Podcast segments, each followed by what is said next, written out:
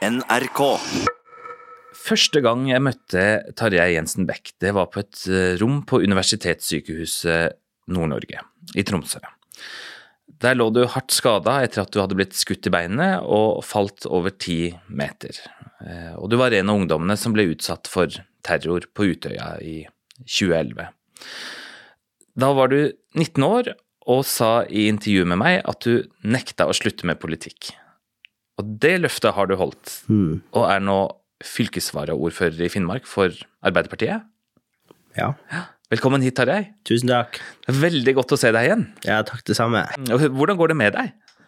Nei, det er klart, eh, det, det har jo vært eh, ei tøff tid, men eh, det går, eh, nå går det bra. Jeg får holde på med det artigste jeg vet om, og det er politikk, så det, det er utrolig artig. Ja.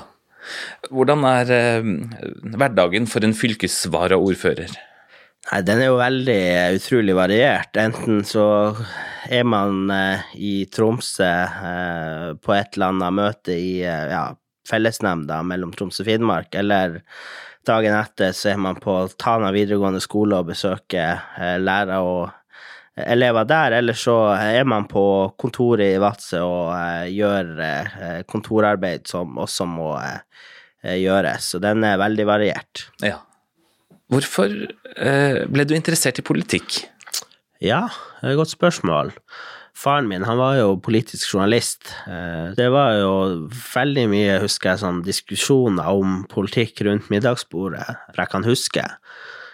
Eh, I 94 så var han jo sekretær for Nei til EU i, i Finnmark også, så det må jo ha starta sånn, tror jeg. Og så husker jeg òg at når jeg var liksom sånn fire-fem år, så var det jo vanlig at eh, barn da, eller unger gleda seg til å, til å se på barne-TV, men jeg, jeg gleda meg alltid til det som kom etter barne-TV, og det var Dagsrevyen. Eh, så det var liksom Ja, for da satt jeg og pappa og så på Dagsrevyen, så det var Jeg tror nok han pappa hadde, hadde nok stor eh, innflytelse på meg der. Eh, det tror jeg. Har du alltid mm, erkjent at du er same? Når jeg, jeg tror det liksom var når eh, eh, Fordi at faren min satt jo på, på Sametinget, eh, og det var på en måte da det gikk litt sånn, tror jeg, opp for meg, og det var i sånn ja, 2009. Og det er jo litt sånn for oss finnmarkinger at mange kanskje ikke har visst det, eh, hvem man er, og det er jo det man også synger den eh, fylkessangen 'Hvem er du, hvem er hvem er vi som er her', hvor har eh, du vært, og hvor er det vi skal hen? Hvor i all verden kommer du ifra? Hva vet vi om oss sjøl? Kom vi rekende på ei fjøl? Ja, si det, hvem som vet, når det blir spørsmål om tilhørighet. Det er jo, tror jeg, litt sånn mange finnmarkinger kanskje hadde, at man ikke helt vet hvem det er, så det ja, var veldig viktig for, for min identitet å liksom finne ut av det, tenker jeg. Ja. Du, det har gått eh, åtte år siden Utøya. Hvilken rolle har Utøya i livet ditt i dag? det vil jo alltid på en måte være der, eh, det som skjedde eh, 22. juli. Eh, Men eh, jeg prøver jo ikke å gjøre det til en del av identiteten min, for Utøya er jo ikke, er jo ikke meg. Det er noe som jeg har opplevd, men eh, det er ikke en del av identiteten min, eh, og det tenker jeg er viktig. Og så sårene er, er grodd, eh, men eh, det er klart, man vil alltid ha både usynlige og synlige arr som eh, både vil merkes, og av og til så, så gjør også arret eh, ondt, og det, det vil nok være sånn eh, resten av livet, men eh, eh, jeg tror det er viktig at man også kommer seg videre, men samtidig at man aldri glemmer det som skjedde 22. juli. Mm. Lærte du deg noen teknikker for å komme dit? Altså det, det er en lang prosess og en, en, krevende, en krevende prosess. Ja, det er, det er ikke noe enkelt å stå opp i. Jeg tror det er viktig at man har eh, støttende eh, familie. Det har vært eh, utrolig eh, viktig for meg. Og så tror jeg også at det har vært veldig viktig å ha veldig eh, gode venner, at man har et nettverk. Og jeg tror eh, ingen greier å stå alene eh, i noe sånt. Og det er jo klart, man er jo bare et menneske, så man har jo tøffe dager også. Men jeg føler i hvert fall at jeg har det bra. Men jeg, tror også det er viktig at man husker på at selv om jeg klarer meg bra, så er det fortsatt veldig mange etter 22. juli som fortsatt sliter veldig mye. Og selv om man har én solskinnshistorie, så må man huske på at jeg ikke representerer alle. Så der er det er nok fortsatt veldig mange mennesker som var, var på Utøya og i regjeringskvartalet 22.07, som har det fortsatt veldig, veldig vanskelig. Mm. Jeg fulgte jo deg som journalist i TV 2 i tida etter 22.07, bl.a. inn mot eh, rettssaken i Oslo tingrett, eh, og hørte deg vitne.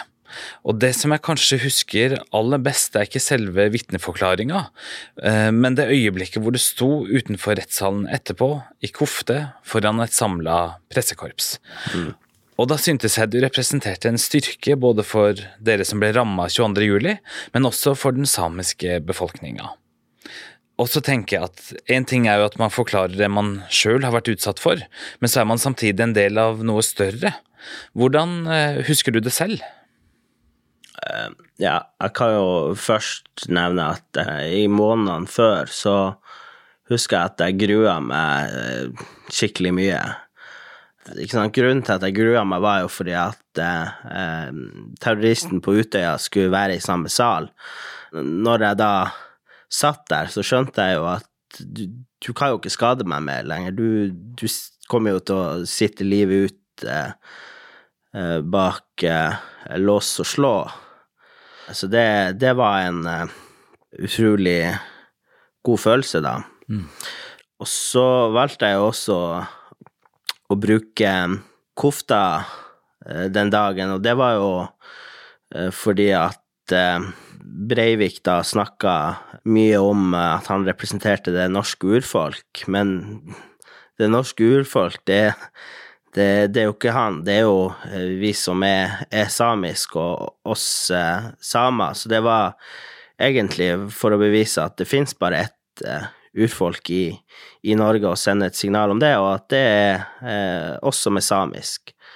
Og så og var det jo også litt sånn at eh, ja, nei, nå har du ikke noe mer eh, eh, makt over meg mer, eh, eh, og jeg er ikke redd deg. Og det var egentlig noe av det første som, som slo meg etter jeg var ferdig å vitne. Mm, nettopp. Så sånn sett så var det Det hadde en terapeutisk effekt kanskje å, å vitne sånn sett? Ja, eh, det hadde det.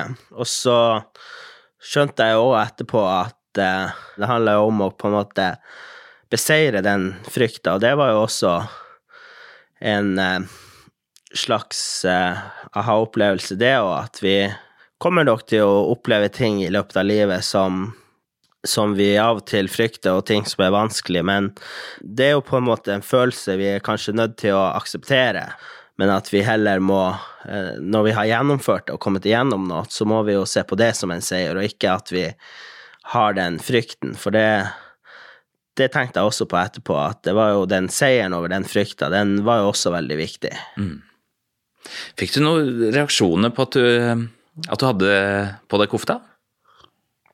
Ja, som jeg husker, så fikk jeg egentlig bare, bare positive reaksjoner. Uh, og jeg gikk med kofta den dagen i, i rettssalen med, med, stolthet, og det var et uh, sterkt øyeblikk, i hvert fall. Mm det å jobbe politisk for, for det samiske saker, hvordan går du til verks? Hvordan, hvordan, jobber du politisk der? For du, du, tilhører jo selvfølgelig et parti som, mm. som har sine eh, retningslinjer. Da.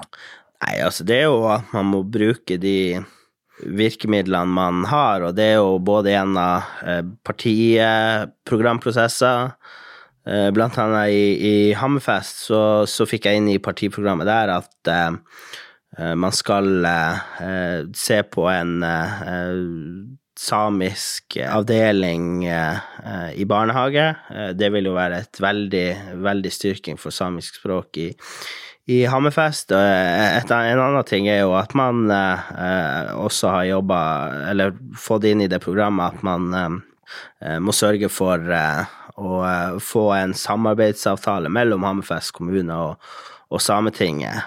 Og på Eh, fylkesnivå så har jeg jo vært med på annet eh, bevilge penger til eh, eh, samisk senter for samtidskunst. Eh, vi har jo også bevilga penger til, eh, eh, til å kjøpe kunstsamlinga til Savio, eh, store deler av den. Eh, flere andre eh, viktige tiltak som, som man bidrar gjennom eh, politikken. Og det er jo sånn at Nå snakker jeg jo mye om penger, men penger er jo, er jo viktig for å kunne gjennomføre eh, politikk, og det har jo alltid vært viktig for meg, i hvert fall, å bidra økonomisk eh, for, eh, for å bedre eh, vilkårene for det samiske språket.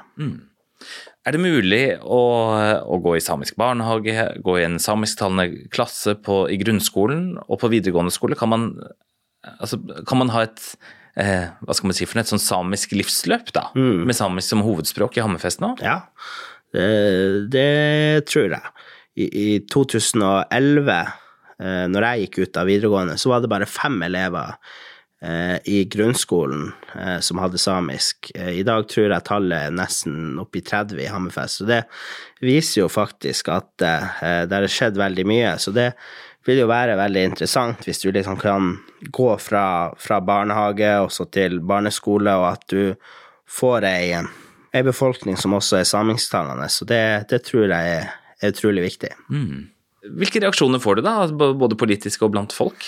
Nei, Stort sett så får man eh, positive eh, reaksjoner. Det er jo klart, det er jo, det er jo fortsatt sånn at det er, blant enkelte miljøer så er det fortsatt eh, kontroversielt, eh, det samiske, og det finnes fortsatt holdninger som eh, ikke er greie, og det eh, Jeg husker blant annet en mail jeg og Ragnhild fikk fra en eller annen person da, om at vi ikke kunne være fylkesordfører eller varaordfører fordi at vi gikk med kofta og var samisk.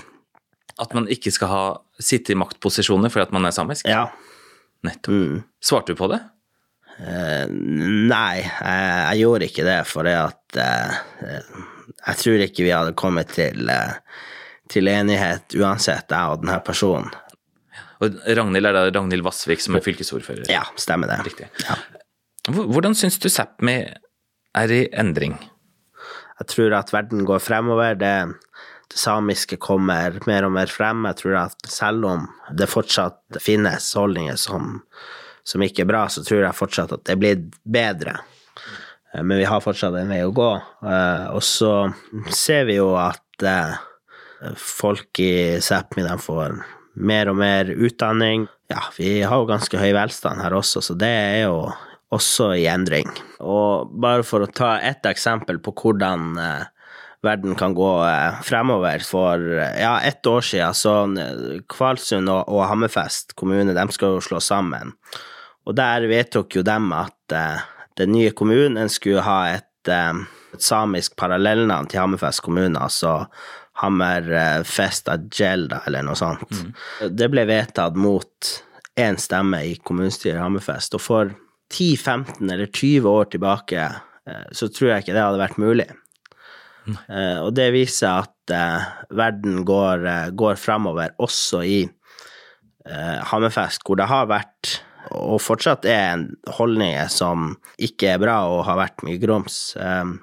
Ja, bare for å ta et annet eksempel. På 17. mai, da gikk jeg jo i, i kofta, og da var det faktisk en bil som åpna vinduet, og så ropte han etter meg 50-lapp, eller har du en 50-lapp? Og det kjente jeg jo på, det var jo litt sånn ubehagelig. Så at det fortsatt også finnes holdninger der ute som ikke er bra, og som også er rasistisk, det, det tviler jeg ikke på, og det må vi også ta på største alvor. Var det i år, eller? Det var i år, ja. Nettopp. Hva er det som gjør at det har gått i rett retning, da? Hvilke me mekanismer er det som har spilt inn? Nei, jeg tror eh, det er kanskje at eh, folk er blitt mer eh, opplyst. Det er kanskje at det samiske har kommet mer frem, og at det er noen som har gått foran og ja, jeg tror så enkelt at noen har tatt på seg kofta og, og faktisk brukt den. Det, det tror jeg har vært viktig, og at noen har, har gått foran. Så jeg tror kanskje at mange av dem som har hatt de her holdningene, kanskje også har snudd. Eh, jeg, tror fornorskninga på kysten av Finnmark har vært så hard og at kanskje dem som har vært, vært verst, er kanskje dem som har hatt det, hatt samiske aner, fordi at skammen har vært så, så stor. Så tror jeg det har vært viktig at mange har tatt en selvransakelse, og at eh, mange tar tilbake det samiske da, også på kysten av Finnmark, og det har vært veldig viktig. Og all honnør til, eh, til, til de som har snudd og erkjent at man, at man kanskje har hatt feil. Det er jo, mm. det det er jo ikke bare bare å, å komme til en sånn konklusjon. Du, du nevnte mm, faren din, Skjalg. Mm. For litt over tre år siden døde han Ja. i selvmord. Ja. Og du, du har vært åpen rundt, rundt det. Jeg må innrømme at jeg har jeg har ikke behandla selvmord journalistisk. Jeg har alltid styrt unna det, av, av frykt for mulige konsekvenser. da. Hvorfor har du valgt en åpenhet i forhold til det som skjedde? Jeg tror ikke på det at vi skal styre unna vanskelige tema. Jeg tror at det er viktig at man, man snakker om det. Eh, Og nå er det jo faktisk eh, en del forskning også som viser at åpenhet er antageligvis bra. I dag så er det jo faktisk den vanligste dødsårsaken blant unge menn, det er jo selvmord. Første gang jeg fikk vite faren min var syk, så var jeg jo bare 13 år. Så det har jo liksom alltid vært en sånn svær elefant som har vært der, men som man aldri har eh, snakka om eller, eller berørt. Så jeg tenker at eh, det er viktig eh, at det temaet også blir berørt, at man ja, snakke om det. Det tror jeg faktisk er, er bare bra. Og så tenker jeg jo det òg, sånn som faren min som kommer fra et eh, en ja, samisk og kvensk og læstadiansk kultur, hvor man ikke har hatt tradisjon for å snakke om følelser, det, det tror jeg ikke har vært bra. Så derfor tror jeg det er viktig at vi, vi tar den, eh, den praten da, og får det frem i lyset. Det, det tror jeg er særdeles viktig. Mm. Og det har jo også mora mi eh, sagt fra den, eh, den dagen pappa døde, døde, at vi må, eller tok livet sitt, at vi må være åpne om det. Og i, i eh, jeg husker i dødsannonsen hans så sto det jo også 'valgte å forlate livet', eller, eller noe sånt. Og så var det også en eh, et dikt av eh, Haldis Moren Vesaas som heter 'Karin Boje funnet død', tror jeg, eh, som, som også ja, eh, handler om, om det når mennesker avslutter livet sitt. Jeg, jeg, tror det er, jeg tror det er viktig at man snakker om det, rett og slett. Er det andre eh, kloke grep vi bør ta, i tillegg til det å være mer åpen? Mm. Jeg tror det kan være flere ting. eh, At man har lavterskeltilbud, eh, at man fanger opp folk før det blir mer alvorlig. Altså ungdom, så kan det av og til være greit å bare snakke med ei helsesøster eller en utekontakt, og så blir det fanga opp før det eskalerer. Eh, Det tror jeg er viktig. Og så tror jeg også det er viktig at man får ned ventetida hos psykolog. Eh, Det er fortsatt veldig lang ventetid. Så tror jeg også at man kanskje må jobbe mer tverrfaglig, ikke sant. At hvis man først sliter, at man har et slags team rundt seg, da. Altså at alle alle som er behandlere, kommuniserer med alle, mens at man ikke sitter på hver sin haug, rett og slett. Og så tror jeg også at det kan være lurt å involvere pårørende litt mer i behandlinga. Faren min, da, han sa jo kanskje ikke alt, eh, og det var jo flere ting som vi kunne sagt for å liksom eh, hjelpe til, da, fordi at han skjulte kanskje noe. Alle vil jo fremstå som den beste personen av seg sjøl til, til noen, og da kan det jo være at man ikke sier alt. Faren min, han, han var jo verdens fineste fyr, men men han hadde også sider som, som kanskje var av og til vanskelig å, å leve med. Det kan jo hende at det er noen som, eh, som hører på det her som, som sliter på forskjellig vis. Vi er, vi er noen mennesker alle sammen. Har du noe du kunne tenke deg å si til de som eventuelt måtte høre på, som, som kanskje vurderer å, å avslutte sitt liv? Ja, jeg tror eh, eh, at man må tenke at det blir, eh, det blir bedre, og så uh, tror jeg også at man uh, snakker med noen om det. Uh, en venn eller presten eller altså hvem som helst. Jeg tror det er bare bra å, å snakke om det. Og så tror jeg også at hvis noen er bekymra for at noen kanskje skal tenke og vurdere å ta livet sitt, så tror jeg også det er viktig at man tar det opp med den personen. Det viser jo forskning òg at det faktisk virker preventivt hvis noen, hvis noen bare tar den samtalen. Mm. Så det tror jeg òg er, er, sunt. Ja, For det viser at man ikke er alene. Mm. Ja. ja. Så er det jo, ja fortsatt sånn at det er et, et tabubelagt tema, men jeg tror vi må snakke mer om det, og jeg tror bare man må, må tenke ja, at det blir bedre, rett og slett. Jeg tror også at det er viktig at man eh, ser dem som er, er pårørende. Man tar vare på dem. Og selv om det er gått eh, tre år, så Ja, det er nå eh, sånn med sorg, og jeg tror kanskje det blir ekstra intenst når, når noen tar livet sitt, at, at man har skyld i det. Også delvis sjøl, at man ikke gjorde nok, eller at, at man aldri var der nok, eller at man aldri sa at eh, jeg var glad i deg nok. Og jeg, jeg tror det er viktig at man også ja, bryr seg om, om folk som, som, opplever det. Mm. Den stillheten som også blir etterpå, den er ganske markant. Og på pappas grav så står det, så står det et dikt fra Eh, Nils Aslak Valkepæ, og der står det 'Og når alt er forbi, høres ingenting lenger'. Ingenting. Og det høres. Har du klart å komme deg videre derfra? Har du, har du ja. innsett at, at det ikke var din skyld? Jeg har jo det. Det er jo som eh, mora mi sier, at du som er unge, du kan ikke ta ansvar for, for foreldrene dine sitt liv. De må leve det sjøl. Av og til så har jeg følt meg litt som pappa foran pappa, hvis du skjønner. Eh, men eh, den skyldfølelsen er nok Den er nok eh, Den er nok borte i dag, den er nok det. Men savnet, det går nok aldri helt bort. Det er nok litt som Ja, som bølger, egentlig, at først så er det, er det store bølger, og så blir det små bølger, men det blir Vannet blir aldri helt Eh, krystallklart igjen. Altså, det, det vil alltid, alltid være der. Mm. Du har blitt satt på prøve i, i ditt eh, unge liv. Du er ikke ja. 30 år ennå? Nei. Jeg føler meg som 60. Nei da.